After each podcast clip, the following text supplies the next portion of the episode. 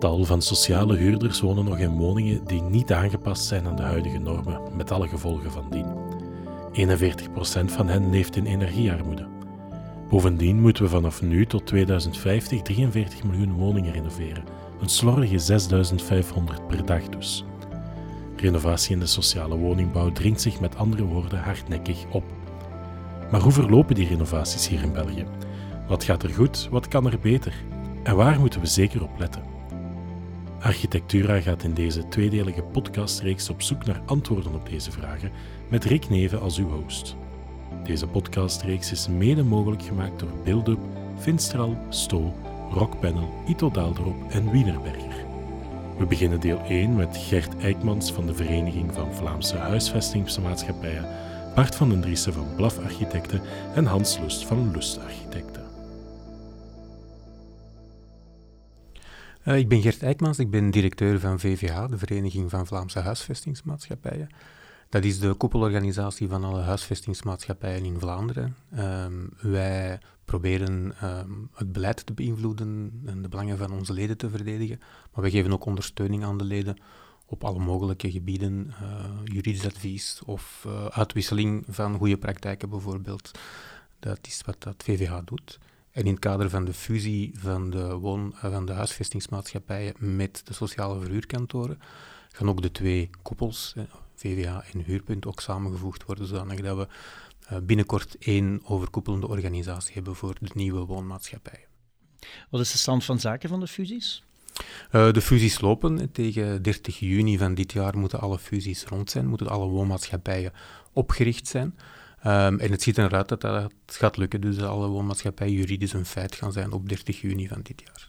En gaat dat een goede zaak zijn voor de Vlaamse uh, sociale woningbouw? Um, in het, het, de beste scenario's is dat inderdaad um, een goede zaak, in die zin dat uh, sociale verhuurkantoren en huisvestingsmaatschappijen samenvoegen, dat dat elkaar kan versterken. Um, alleen is het een operatie die toch behoorlijk complex is, zeker als het gaat over het samenvoegen van verschillende bedrijfsculturen, uh, die nu al voor een stuk vertraging heeft gezorgd uh, in, in de productie en in de renovatie van sociale woningen, en waarvan dat wij verwachten dat het toch nog even gaat duren voor alles terug op zijn pootjes valt. Maar vanaf dan zou het inderdaad een, een verbetering moeten zijn. Hans, kunt je jezelf eens even voorstellen? Uh, ik ben Hans Lust. Uh, ik vertegenwoordig uh, twee bureaus. Lust Architect, een bureau samen met mijn vrouw. En DBLV Architecten, een bureau dat wij samen hebben met uh, Dierenong Blanke. En zijn jullie erg actief in de sociale woningbouw? Op dit ogenblik wel. Uh, enfin, in het verleden ook. Uh, maar op dit ogenblik zijn we bezig met de renovatie van een sociaal woonwijk in Gistel. En de renovatie of reconversie van uh, twee appartementsgebouwen op Linkeroever in Antwerpen. Bart, kunt u jezelf eens even voorstellen aan, aan uw bureau? Ik ben Bart van Blaf, ehm, mede oprichter en zaakvoerder. Um, Blaf um, experimenteert met kleinschalige woongebouwen uh, en probeert dat in te zetten in uh, momenteel een grootschaligere uh, manier van bouwen. Um, dus voor na, in hoofdzaak woningbouw en dus ook sociale woningbouw. En in hoeverre zijn jullie betrokken bij uh, sociale woningbouw, bij renovaties in sociale woningbouw dan specifiek? Ja, we, al uh, heel lang eigenlijk, van het begin van ons werking hebben we die sociale component uh, wel bewandeld. Um, dus gestart wel met nieuwbouw um, in sociale woningbouw. Een aantal projecten gerealiseerd en dan ook monument bijvoorbeeld verbouwd tot sociale woningen uh, ook een uh, hoger flatgebouw bijvoorbeeld uh, energetisch aangepakt. Dus de laatste tijd wel wat ervaring opgebouwd in de renovatie. In hoeverre is sociale woningbouw of, of, renovatie in de sociale woningbouw volgens jullie een, een specialisatie? Uh, de renovatie van sociaal woningbouw, specialisatie op zich. Uh, ik denk niet dat, dat dat zo veel specialer is dan renovatie in een andere sector. Uh, het enige verschil is dat je natuurlijk de ontwerpleidraad van de VMSW moet volgen. Dat is eigenlijk veel belangrijker dan Gert, is het een, een, groot voordeel voor een ontwerper dat hij al wat ervaring heeft in de sociale woningbouw?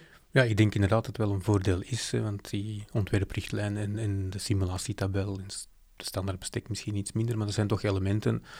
En de procedure die, die wordt uh, gevoerd uh, via VMSW, alle dingen die er komen bij kijken.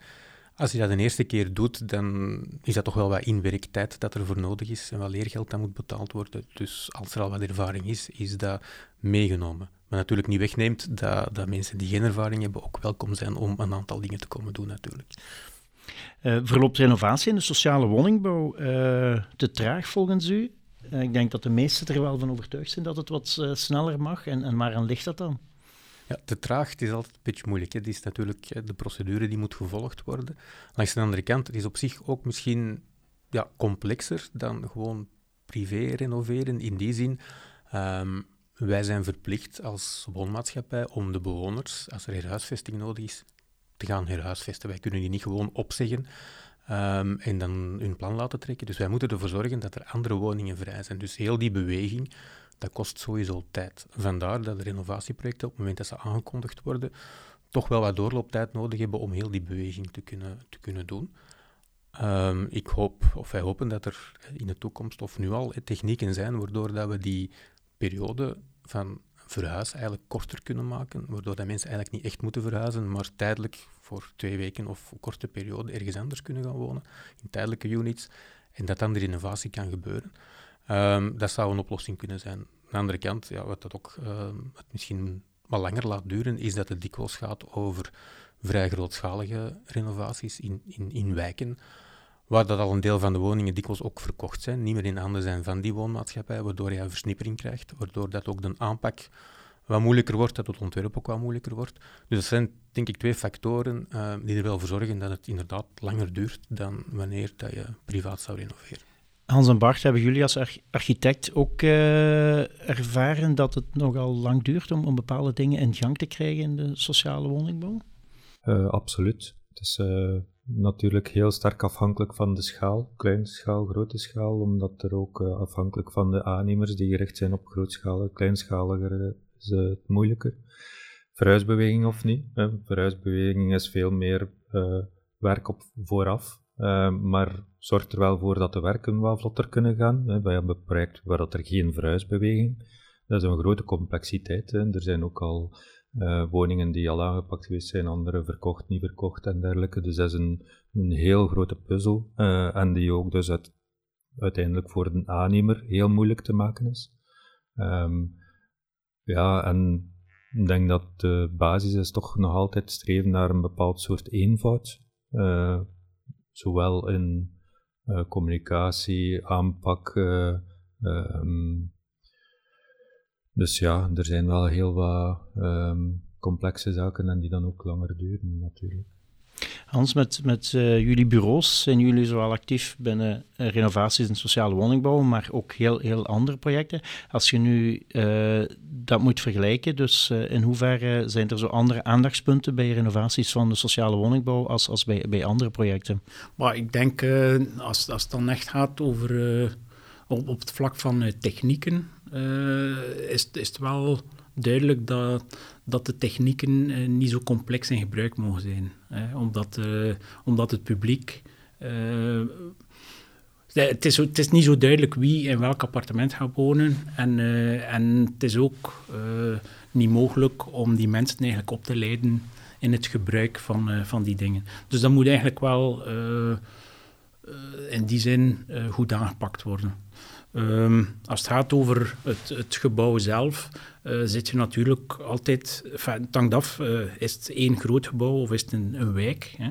Maar zit je natuurlijk uh, met de gemene delen, die, die ook wel een heel specifieke aanpak vereisen in zaken gebruik, eigenlijk. ja. Bart, je zit sowieso met een beperkt budget als je in de sociale woningbouw actief bent. In hoeverre vormt dat soms een, een belemmering om, om uit te voeren wat, wat jullie voor ogen hebben? Ja, uiteindelijk moet je altijd keuzes maken, ook naar budgetten toe. En uh, hoe gerichter uh, of hoe daarvan is die samenwerking wel belangrijk tussen de verschillende partners om zo juist mogelijke keuzes te kunnen maken. Uh, ook richting budget natuurlijk. Um, ik denk dat het belangrijkste daarin is om eerst een soort masterplan naast te streven. Um, ook weer afhankelijk van de schaal. Een masterplan op vlak van herhuisvesten of niet. Ehm, dus op wijkniveau. Eigenlijk moet je ook een masterplan hebben op gebouwniveau. Om te weten van oké, hoe, op welke manier kunnen we dat gebouw aanpakken. Binnen isoleren, buiten isoleren, is toegankelijkheid vereist of niet? Uh, er uh, qua monumentenzorg eventueel belangrijk? Dus dat je wel een globaal idee krijgt, om dan stapsgewijs de juiste keuze te kunnen maken, ook naar budget toe bijvoorbeeld. Maar naar budgettering toe, dat is nu wel een van die, die zaken waar uh, een architect die ervaring heeft in sociaal woningbouw het, voordeel heeft. Dat is, uh, um, die ontwerpleidraad en, en die, die FS3-tabel en al uh, van die zaken zijn eigenlijk heel duidelijk eens je ze kent. En uh, eens je ze kent, is het ook heel duidelijk waar je naartoe moet. En is dat uh, op zich dan eigenlijk ook niet altijd zo'n groot probleem om dat te bereiken.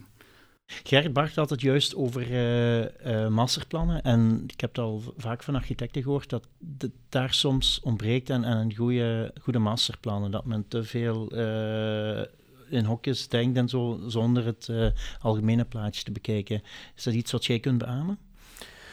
Ik denk dat dat inderdaad zo, zo is en zeker in het verleden zo geweest is. Um, dat heeft onder andere denk ik te maken ook met, met budgetteringen enzovoort. Um, dat er meer in deeltjes werd gekeken om toch dingen te kunnen doen. Uh, en dan een volgende stap te zetten daarna, zonder dat er eerst op voorhand gekeken werd hoe, hoe dat we het best gingen aanpakken. Nu, ik denk dat we zeker voor de komende jaren er echt wel veel meer aandacht aan moeten besteden omdat we voor een dubbele uitdaging staan. We staan voor de renovatie van bijna heel het patrimonium tegen 2050. En tegelijkertijd moet het aanbod van sociale huurwoningen zeer sterk naar boven. En een van de problemen daar is, waar gaan we die, dat extra aanbod bouwen? En een van de mogelijkheden daar is ja, in, op bestaande gronden, binnen bestaande wijken. Wat dus eigenlijk het, het, maken van een masterplan voor een aanpak van een wijk, zowel voor de renovatie als voor eventuele nieuwbouw of, of een andere, andere vormen, echt wel heel belangrijk maakt. En, en eigenlijk zonder masterplan zouden we er niet meer aan mogen beginnen. Hoe zijn jullie tegenover de keuze tussen uh, nieuwbouw en renovatie? Wordt er nog te vaak uh, gegrepen naar uh, afbreken en iets volledig nieuwbouwen, terwijl het ook via renovatie zou kunnen? te vaak ik denk dat inderdaad de geesten wel stilaan zo wel gerijpt zijn, dat de eerste gedachte is maximaal behoud nastreven, dat dat wel aan gekomen is of aan het komen is. Um, dat je daar inderdaad, daarvoor niet maar met VMS mee, maar pra praktijkervaring daarin wel helpt om bepaalde keuzes te maken. Um, denk, uh, ja, wat ons betreft is vooral, wij hebben ook al uh, gefaseerde projecten moeten overnemen. En dan zie je dat degene die voor jou uh, de ramen op zo'n danige manier in de gevel gezet heeft, waardoor dat je niet meer kunt met je isolatie aansluiten, bijvoorbeeld. Dus dat bedoel ik met dat je eerst wel een, een goed toekomstbeeld nodig hebt uh, van dat gebouw. En dan helpt uw ervaring daarin in, in energetisch goede renovaties. Ja, ik denk dat er ook tot nu toe vooral financieel naar dat probleem gekeken wordt. En, en dan vallen we terug op, op de financiering, op de simulatietabel, op FS3. Um, ehm, en dikwijls komt daar dan de vervangingsbouw als financieel interessantste oplossing naar voren. Dus daar moet ook naar gekeken worden. Dat is dan een beleidskeuze om ook meer te gaan inzetten op financiering, om ja, bestaande gebouwen te behouden, om dat ook mogelijk te maken binnen de financiering. Dat men te weinig op echt lange termijn bekijkt. Dat dat idee rond circulariteit nog niet mee in, in, in de financiering zit. Ja, want er zijn zeker winsten te halen uit renovatie, maar we hebben nu verschillende sites waarbij dat de VMSW al op vooraf beslist heeft hoe dat moet gebeuren, terwijl dan heel duidelijk was dat die wijk bijvoorbeeld de potentie had om eerst denser ergens te werken, verhuisbeweging in gang te zetten en dan ja, te renoveren. Dus een combinatie van nieuwbouw, herbouw met renovatie. Dus ik denk dat daar ja, de, ja, ergens de gulden middenweg uh, wel altijd vaak interessant is. Ja, maar ik denk, uh, het is toch iets uh, dat in, in, hand van, in de handen van de bouwheer ligt. Hè. Ehm, wij hebben in het verleden eigenlijk eens geluk gehad in die zin. Dus we hebben de opdracht gehad voor eigenlijk een vervangingsbouw voor een bestaand appartementsgebouw bij de VMSW. En ehm, dat was nog in de tijd dat de sociale last bestond. Hè. En, um, maar in ieder geval, het appartementsgebouw zou afgebroken worden en er zou een laagbouw of laagbouwvolumes in de plaats gezet worden op een groter terrein dan aanwezig was. Ehm, en uiteindelijk is die sociale last toen weggevallen, waardoor dat we eigenlijk uh, de suggestie hebben kunnen doen om het gebouw toch uh, een reconversie van, van te maken. Wat houdt dat precies in, die sociale last? Met sociale last, maar dat is, iets, dat, dat is iets dat vandaag niet meer bestaat. Maar ik denk dat ze, dat was een onderdeel van het grond- en pannendecreet. En uh, daar kwam het op neer dat een, een, een private ontwikkelaar een bepaald percentage van het aantal woningen dat hij zou creëren, uh, sociale woningen moest voor maken. En de, de realiteit, in de realiteit werd dat eigenlijk meestal vertaald doordat de ontwikkelaar een stuk grond afstond aan de VMSW of aan de sociale huisvestingsmaatschappij waar zij dan zouden op bouwen. En daarmee was dat uh, opgelost. Gert, hoe belangrijk is het om de bewoners zelf uh, bij zo'n operatie te betrekken en, en, hoe zou je dat uh, best moeten aanpakken? Dat is heel belangrijk om bewoners uh, bij zo'n operatie te betrekken. Het is hier net ook al gezegd, ofwel gebeurt er renovatie terwijl ze er nog in wonen, en dan is het zeker belangrijk om ze erbij te betrekken. Um, ofwel moeten ze verhuizen, maar dan moet ook die boodschap gebracht worden, dan moet ook gekeken worden waarom uh, dat ze moeten verhuizen. En ik denk dat we daar ook nog een stap verder in kunnen gaan, in die zin van, um, er is ook al mee geëxperimenteerd binnen de sector, dat de bewoners um, ook kunnen betrokken worden bij het ontwerp. Dat ze zelf, zij wonen op die plek, zij wonen in, in die gebouwen, zij weten hoe het is om daar te wonen. en ze kunnen ook waardevol bijdragen aan, aan heel het ontwerpproces. En hoe organiseer je dat best? Um, vroeg beginnen, zelfs op het moment dat er nog niet veel informatie is. Um, mensen betrekken, bewoners gaan de eerste keer als ze zoiets horen altijd um, zeer negatief reageren. Hè. Hoe zou je zelf zijn als je de boodschap krijgt van je moet uit je huis of we gaan hier heel veel werken doen en gaan een paar, een paar maanden of jaren last hebben. de meeste woningen, worden dan plots de beste woningen die er bestaan. Iedereen vindt dan dat er niks mis is met zijn, met zijn eigen huis of zijn eigen appartement. Um, maar door informatie te geven en mensen te blijven betrekken, gaan ze daar doorkijken. En dan komen alle mankementen naar boven. En dan is het van belang om ook het tempo erin te houden. En, en daar spelen dikwijls ook lokale besturen een belangrijke rol. Afhankelijk van hoe groot dat het project is, um, kan het ook zijn dat, zij op de rem gaan staan. Um, en, en verkiezingen zijn er altijd een heel slecht moment voor. Uh, als, als want dikwijls in zo'n proces ja, komt er protest, zijn er dingen die, die niet goed lopen. En als uw lokaal bestuur dan voelt van oei, de mensen worden hier ontevreden, dan, dan wordt het soms lastig. Um, dus ik denk dat dat ook wel belangrijk is dat ook het lokaal bestuur mee moet zijn. Dus eigenlijk moet een vrij grote coalitie maken van zowel bouwheer, de ontwerpers, het lokaal bestuur en de mensen die er wonen om ervoor te zorgen dat dat proces voortgang vindt. En dat is een serieuze investering op voorhand, maar dat betekent wel, als dat goed loopt, dat je nadien veel sneller kan gaan op het moment dat het echt wordt uitgevoerd. En Hans, kunnen jullie daar als architect ook een rol in spelen? Uh, ja, maar wij hebben bijvoorbeeld de ervaring uh, bij de renovatie van sociale woonwijk, zoals uh, Gert aanhaalde, um, is, is het meestal het geval dat een aantal woningen eigenlijk al in privaat bezit zijn. En wij hebben de ervaring dat dat de, de mensen zijn die het meest moet betrekken bij de renovatie van, van de wijk. In de zin dat met die verhuisbewegingen blijkt wel dat eigenlijk soms meer dan de helft van de originele bewoners niet meer terugkeert, omdat ze ja, x aantal jaar op een andere plaats gaan wonen en daar ook ondertussen eigenlijk ook blij zijn. Maar de private eigenaars binnen zo'n wijk zijn zeer argwanend over alles wat er gaat gebeuren. En, ze, en, en op een zeker moment, allee, het is ook heel moeilijk voor hen, in de zin dat ze meestal in een wijk wonen die toch al wat jaren oud is, en dat zij daar dan opeens het, het meest ouderwetse huisje van de wijk zullen krijgen, door, doordat de rest aangepakt wordt. We kunnen de renovaties ruwweg opdelen in werken aan de bouwschil en technieken. Maar hoe zit die onderlinge verhouding? Moet dat altijd hand in hand gaan of kunnen beide delen apart aangepakt worden? Het kan perfect apart aangepakt worden. Het is, er moet een duidelijk toekomstbeeld komen van, van het project, van het gebouw. En dan als, je dat, als, als dat duidelijk is, dan kan er niet zoveel verkeerd gaan. Dan kan je perfect over fasering nadenken als dat gewenst is om die verhuisbeweging zo kort mogelijk te maken of zo.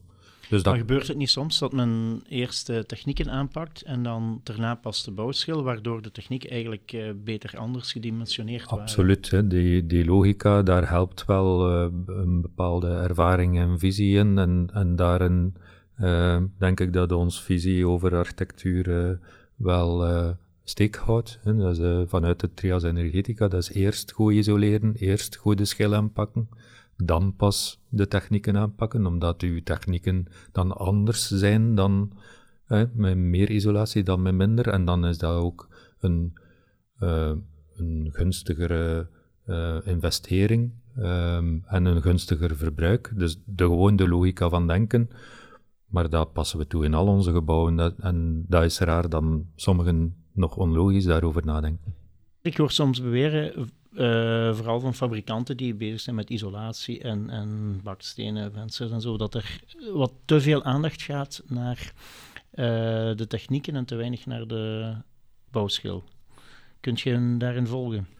Ik hoop dat dat stilaan heel duidelijk is dat die gebouwschil, waar dat er ook, het duurste van het gebouw uiteindelijk, um, dat daar het meest aandacht naartoe gaat en dat dat uh, zo goed mogelijk geconcipieerd wordt om zo lang mogelijk in tijd ook mee te gaan. En dat is duidelijk, daar is een limiet op. Hè. Je moet je lat niet zo hoog mogelijk leggen, maar op de juiste hoogte.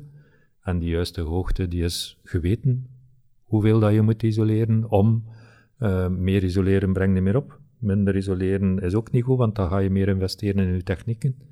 Dus dat optimum nastreven is niet nodig, denk ik. Hè. Dus dat is uh, gewoon compactheid en goed isoleren. En dan gaat sowieso uw investerings- en gebruikskost dalen. En dat is het opzet voor, zeker voor sociale woningbouw, denk ik. Maar ook vanuit de, vanuit de milieucrisis, denk ik. Uh, ook vanuit dat standpunt gewoon broodnodig uh, om dat op die manier aan te pakken. Ik denk dat er wel uh, inderdaad meer aandacht naar die bouwschil moet gaan. In de zin dat we nog veel te veel uh, oude, allee, oude uh, details uh, of, of ja, bouwdetails zoals ze 30 jaar geleden geconcipeerd zijn, eigenlijk aan het oprekken zijn in functie van een dikker pakket isolatie. En eigenlijk een, een, een traditionele spouwmuur, dat is eigenlijk heel moeilijk nog vandaag met, met zo'n dik pak isolatie. Ramen achter slag zetten betekent eigenlijk dat je bijna de ramen uh, in uitkraging aan uw binnengevel moet ophangen. En dat, dat kost ongelooflijk veel centen om dat nog te doen. Dus ik denk dat er eigenlijk zeer veel aandacht moet gaan naar nieuwe manieren om uh, heel duurzame gevels te maken, uh, maar op een, allez, op een manier die, die veel efficiënter is. Ja, efficiënter en betaalbaarder dus ook. Hè. We, we krijgen nu die omslag plots naar dat materiaal toch veel meer geld kosten dan we komen uit een tijd dat materiaal geen geld kostte. Um, dus we moeten daar inderdaad op een andere zinnige manier mee omgaan. En die spouwmuur is inderdaad een achterhaald systeem, uh, waar dan nu nog in de traditionele bouw uh, wel nog gewoon voor 90% wordt toegepast. Dus dat we daar anders moeten mee omgaan, ja, dat is een, dat is een zekerheid. Um, maar er moet ook een bepaalde openheid zijn vanuit de VMSW om daarin mee te gaan. Want het is niet evident om op te boksen tegen die traditionele bouwwereld uh, op zich. Dus uh, daar is een openheid voor nodig.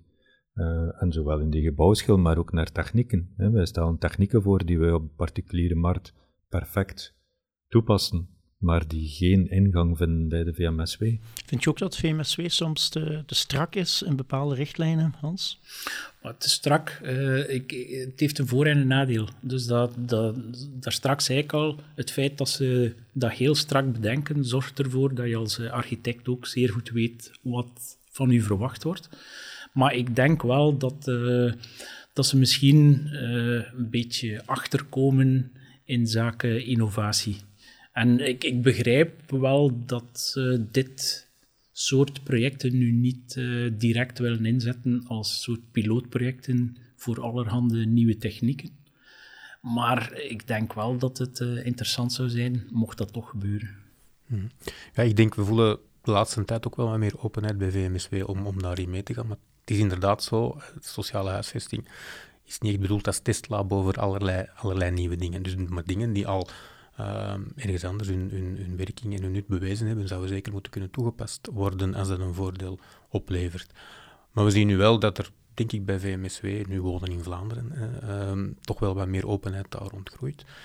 Langs de andere kant, er gaan ook meer en meer stemmen op om um, die ontwerprichtlijnen en, en uh, simulatietabel en standaardbestek gewoon overboord te gooien. Uh, wat dan ook weer niet direct een, een goed idee is, omdat het inderdaad toch wel stevig houvast biedt. En als daar binnen wat ruimte voor nieuwe technieken en innovatie wordt gecreëerd, denk ik dat we er nog wel mee voort kunnen op deze manier. We moeten op relatief korte tijd enorm veel uh, sociale woningen renoveren.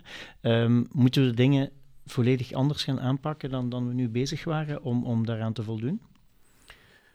Er zal sowieso veel meer capaciteit moeten gaan naar de renovatie.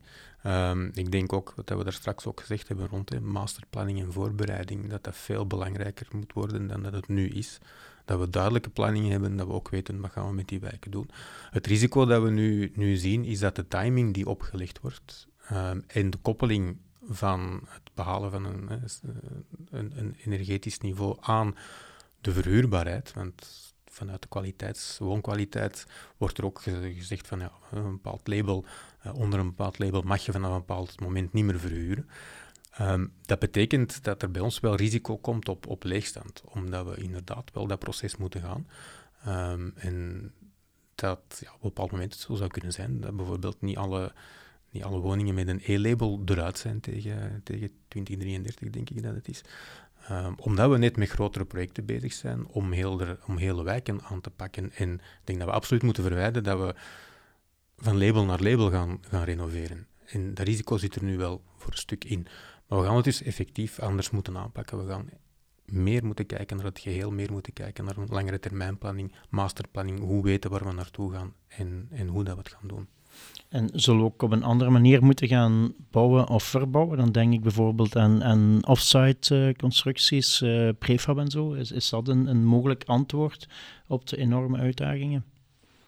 Dat is een van de vele mogelijkheden, denk ik. En, en als je het inderdaad een gebouw, uh, um, ja, de industrie gaat daar naartoe.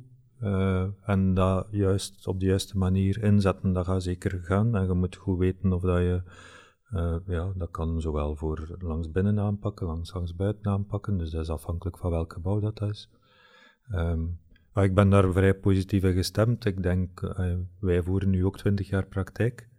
Uh, ik denk dat dat zo wat samengaat met uh, ja, de, het ontstaan van de EPB en dergelijke. En de, de stappen dat daarin gezet worden, waar dat we nu eigenlijk zitten, waar dat we willen eindigen. Um, we hebben de discussies over mechanische ventilatie gehad, over uh, luchtdichtheid en dergelijke, en allemaal vanuit een onwetendheid, uh, ja, met een soort negativiteit erover. Ik denk dat we daar stilaan voorbij zijn en dat we weten waar dat we eigenlijk moeten eindigen en, en dat dat een combinatie is van heel veel verschillende zaken, van manier van bouwen, van inderdaad niet te veel uh, experimenteren, maar we weten nu toch ondertussen dat mechanische ventilatie voor veel, op, in vele opzichten goed marcheert. En ook voor sociale woningbouw. Uh, en dat ook soms een beetje meer high-tech ook wel helpt, omdat dat te monitoren is van op afstand bijvoorbeeld, waardoor dat, dat, dat niet zo complex is. Um, dus ja, ik denk dat er al de voorbije twintig jaar heel wat kennis en ervaring bijgekomen is om um, om positief gestemd te zijn. Hans, in hoeverre vind jij het nodig dat we inzetten op nieuwe technieken zoals uh, offsite constructie? Maar ik denk dat uh, het prefabriceren uh, de, het bouwen zelf wel kan versnellen. Maar ik denk dat het weinig, allee, of dat dat een redelijk kleine invloed zal hebben op het totale traject dat je loopt. Dus ehm, het, kan, het kan misschien de dingen iets, iets gemakkelijker maken. Maar eigenlijk hangt alles af van het ontwerp. Ja, ik denk dat er wel wat mogelijkheden zitten, zeker als je kijkt in, in sociale woningbouw. Het is dikwijls ook een herhaling van, van typologieën of van types. Dus als daar uh, prefab en, en elementen kunnen gebruikt worden en die kunnen gerepliceerd worden of geïndustrialiseerd worden, dan denk ik dat daar soms wel wat winst te halen valt of wat tijdswinst te halen valt. Er is niet één oplossing. Dus ik denk dat uh, de toekomst zal afhangen van heel, een openheid van heel veel verschillende zaken. En dat gaat dus ook niet over houtskletbouw of massief bouwen, maar dat gaat ook over hybride manieren van bouwen. Dat gaat over verschillende manieren van technieken, high-tech, low-tech. Dat gaat over manieren van ah, fabriceren of prefabriceren. Um, en dat is weer afhankelijk van welk gebouw, welke context, uh, waar gelegen. Dus de oplossing ligt in de veelheid van verschillende logische benaderingen en oplossingen. Ja, maar ik denk bijvoorbeeld voor uh, het gebruik van, van technieken. Hè. Dus uh, de VMSW staat niet zo open voor uh, high-tech technieken. Dat heeft natuurlijk veel te maken met de mensen die het gebruiken. Maar ik denk dat een ontwerp daar ook kan op anticiperen. Ehm, in plaats van iedere woning, uh, bijvoorbeeld bij, bij een appartementsgebouw, iedere entiteit zijn eigen berging met uh, alle technische installaties erin. Evengoed zou je bepaalde technieken toegankelijk kunnen maken vanuit uh, gemene delen, waardoor dat ze eigenlijk ook veel gemakkelijker door de maatschappij zelf kunnen onderhouden worden. Dat ze niet afhankelijk zijn van het binnengelaten worden in een woning. En dat zijn eigenlijk heel kleine dingen die eh, volgens mij echt wel heel veel kunnen veranderen. Sommige wijken hebben ook een, een, een zekere erfgoedwaarde. Uh, in hoeverre maakt dat de zaken complexer, Bart? Ja, we hebben zo eentje gehad, hè, waarbij dat we een schoolgebouw, uh, een, een, uh, um, een monument, een fabriekspand uh, verbouwd moest worden tot vijf sociale koopwoningen. En dat is daar ook op een bepaalde manier, dat is eigenlijk de, de niet-logische uh, angel eruit trekken en dan overtuigen dat dat de juiste oplossing is. Dus ik denk op een goede manier mee omgaan. Daar hebben we dan uh, ja, gewoon omdat interieur moest behouden worden en een stuk exterieur. En hebben we een combinatie gezocht van ja, waar gaan we wel isoleren, waar gaan we niet isoleren. Dus, um, en daar, dat is ook op basis van een bepaalde openheid dat, je, dat we wel de kans gekregen hebben om de juiste um, uh, oplossing effectief te realiseren. Um, dus dat is complex, daar is nog iets meer openheid voor nodig, denk ik. Uh, om, uh, ja, en bijvoorbeeld, dat, daar is dan een ruimte wintertuin geworden, maar wintertuin kent de VMSW niet in, in, in de tabellen bijvoorbeeld. Dus uh, dan moet je dan heel efficiënt aanpakken, want je moet eigenlijk ja, financieren met, met de rest van de... Um, dus dat is niet evident, maar want dat soort woonmaatschappij is soms ook uh, geen gemakkelijke oefening, denk ik, hè, van hoe omgaan met, met uh, erfgoed. Nee, dat klopt. Het is inderdaad geen gemakkelijke oefening. En, en sommigen zijn het liever kwijt dan rijk, denk ik, het, het, het, erfgoed. Maar de ervaring leert inderdaad dat er meestal toch wel oplossingen gevonden worden om dat op een goede manier te doen. En dat vergt wel wat meer overleg uh, met VMSW, Wonen in Vlaanderen, ook met de mensen van, van erfgoed. Ehm, maar ook daar denk ik dat de evolutie ook wel is naar meer en meer openheid om over dingen te kunnen praten en, en ook alternatieve voorstellen in overweging te nemen. Wat zou de overheid volgens jullie moeten doen om, om de renovatie te versnellen, Gert? Ik denk eerst en vooral um, gaan kijken naar de financiering. Um, en, en, het mogelijk maken dat bijvoorbeeld de keuze tussen um, vervangingsbouw of, of renoveren van het bestaand gebouw niet, dat dat ook mogelijk wordt als, het, als dat een goede keuze is, dat je ook kunt kiezen voor we gaan het bestaand gebouw behouden en we gaan het verregaand renoveren. Um, ik denk een stuk kijken naar, naar het faciliteren of het mogelijk maken van, of toch iets flexibeler zijn met, met het introduceren van, van goede nieuwe technieken um, vanuit Wonen in Vlaanderen, VMSW. Ehm, en ook gaan kijken naar hoe dat, ze ons kunnen ondersteunen en, en ook financieren, want daar hebben we het ook weer over, in, in dat voortraject dat langer wordt, met die masterplanning, met het betrekken van bewoners, uh, met het spreken met lokale besturen enzovoort, om dat geheel goed voor te bereiden. Ik denk dat daar ook nog wel wat meer naar gekeken moet worden, of meer moet gestimuleerd worden, ook vanuit VMSW Wonen in Vlaanderen. Want, want wij als woonmaatschappij moeten dat ook nog leren voor een groot stuk. Er zijn er die al effectief op een goede manier doen, er zijn nog een heel aantal die dat niet doen. Maar ik denk dat daar ook wel, vanuit Wonen in Vlaanderen, ook wel het voorbeeld moet komen, of de stimulans moet komen om te kunnen doen. En onze reactie is dan meestal van, ja, en wie gaat dat betalen? Dus daar moeten ze ook naar kijken. Oké. Hans en Bart, hebben jullie suggesties voor de overheid wat dat betreft? Ik denk dat ze gewoon veel meer geld aan sociale woningbouw moeten besteden. Maar er is geld beschikbaar dat niet opgebruikt wordt ook. Gert? Er is Klopt toch, hè? geld beschikbaar dat niet opgebruikt wordt. Nu, je moet kijken, er is een verschil tussen het geld voor renovatie en het geld voor, voor nieuwbouw. Het zit hem vooral in, in nieuwbouw, dat op dit moment het budget niet, niet volledig wordt benut. Dat heeft te maken onder andere met de fusieoperaties die er lopen. Het heeft ook te maken met ehm, het binnen sociale objectieven. Elke gemeente moest ehm, een aantal extra sociale huurwoningen bouwen tegen 2025. Dat was een minimum. Nu blijkt dat voor de meeste ge- gemeenten geïnterpreteren interpreteren ze dat als een maximum. En eens dat ze daar zitten, wordt er niks meer bijgezet. Maar er was wel budget voorzien voor nog extra. Dus er zijn een aantal factoren, procedures enzovoort, die maken dat het, dat het eh, budget niet opgeraakt. Ehm, maar wat er nu belangrijk is, is we zien dat het budget niet opgeraakt is. We moeten nu gaan kijken van welke maatregelen kunnen we nemen om ervoor te zorgen dat we het budget wel opkrijgen. Want als je kijkt naar de behoefte die er is, zowel voor de verhoging van het aanbod als voor de renovatie van bestaand patrimonium, is dit budget eigenlijk te weinig als we dat op een goede en snelle manier willen doen. Het heeft ook te maken met capaciteit bij de, bij zelf. Ehm, dus er zijn een heel aantal factoren en het is nu belangrijker, denk ik, dat we gaan kijken van wat moeten we nu doen om effectief een versnelling te geven, zowel voor renovatie als voor nieuwbouw, dan te, achterom te kijken en te zeggen, ja, we hebben het budget niet opgekregen. In deze reeks vroegen we ook naar de gouden tip van onze gasten. Hoe moeten we met renovatie in de sociale woningbouw omgaan? Gert, Hans en Bart delen hun wijsheid. Ik vind het eigenlijk heel moeilijk om een gouden tip te vinden. Ik vond het heel moeilijk. Ehm, ik denk dat ik het bij ga houden dat van voorbereiding is, is alles. Dus bereid het goed voor, bekijk de mogelijkheden uitgebreid, neem daar tijd voor. Um, want dat levert heel veel winst op uh, tijdens de uitvoering. Er zijn eigenlijk uh, zeer veel gouden tips waardoor ze niet meer blinken.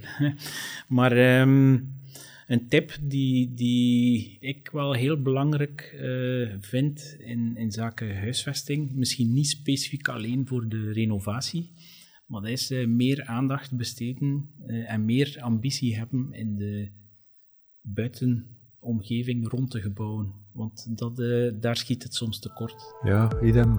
heel moeilijk om er één tip uit te halen en dan denk ik toch om weer te geven wat dat ons houvast is in het bureau. Dat is de trias energetica. Dat is logisch nadenken in stappen. En de eerste stap is de eerste stap en de tweede is pas de tweede. Uh, en dat is Leg misschien... nog eens heel kort uit wat de trias energetica inhoudt. Ja, is, uh, is gestart vanuit drie stappen. Hè. Op energetisch vlak um, is dat compact bouwen en isoleren. Waardoor dat je de tweede stap, de energie die je nog nodig hebt, die, dat je die zo hernieuwbaar mogelijk kunt uh, aanpakken. En de derde stap, die wordt nu versneld uitgeschakeld. Hè. Fossiele brandstoffen worden uitgeschakeld, aardgas, uh, sociale woningbouwprojecten. Denk ik vanaf 10 uh, uh, mag je geen aardgas meer gebruiken. Dus wij werken al jaren, al tien jaar zonder het gebruik van aardgas, dus dat dat mogelijk is. Um, maar dat geldt ook op vlak van renovatie zo. Dus, dus wij trekken die trias energetica door in trias materialica. Dus uh, beperk je materiaalgebruik.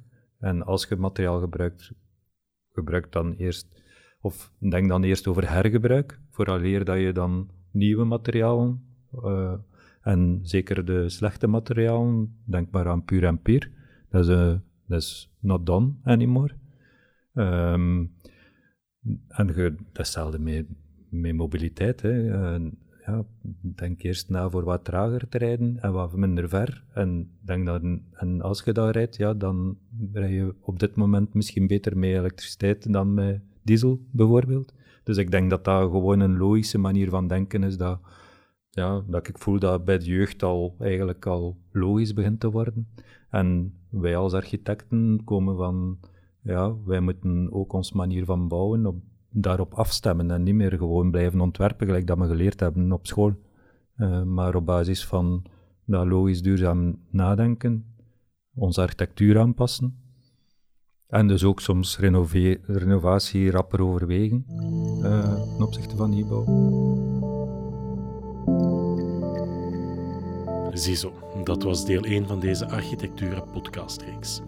Beluister zeker ook deel 2, waarin we het met enkele fabrikanten hebben over de uitdagingen die zich stellen in de renovatie van de sociale woningbouw en ook over wat er gedaan kan worden om het proces te versoepelen. Vond je dit een leuke podcast? Luister dan zeker ook eens naar onze andere podcasts. Bedankt voor het luisteren. Ik was Maxime Bervoets en dit was een podcast van Architectura. Deze podcast is mede mogelijk gemaakt door Buildup, Finstral, Sto, Rockpanel, Ito Daalderop en Wienerberger.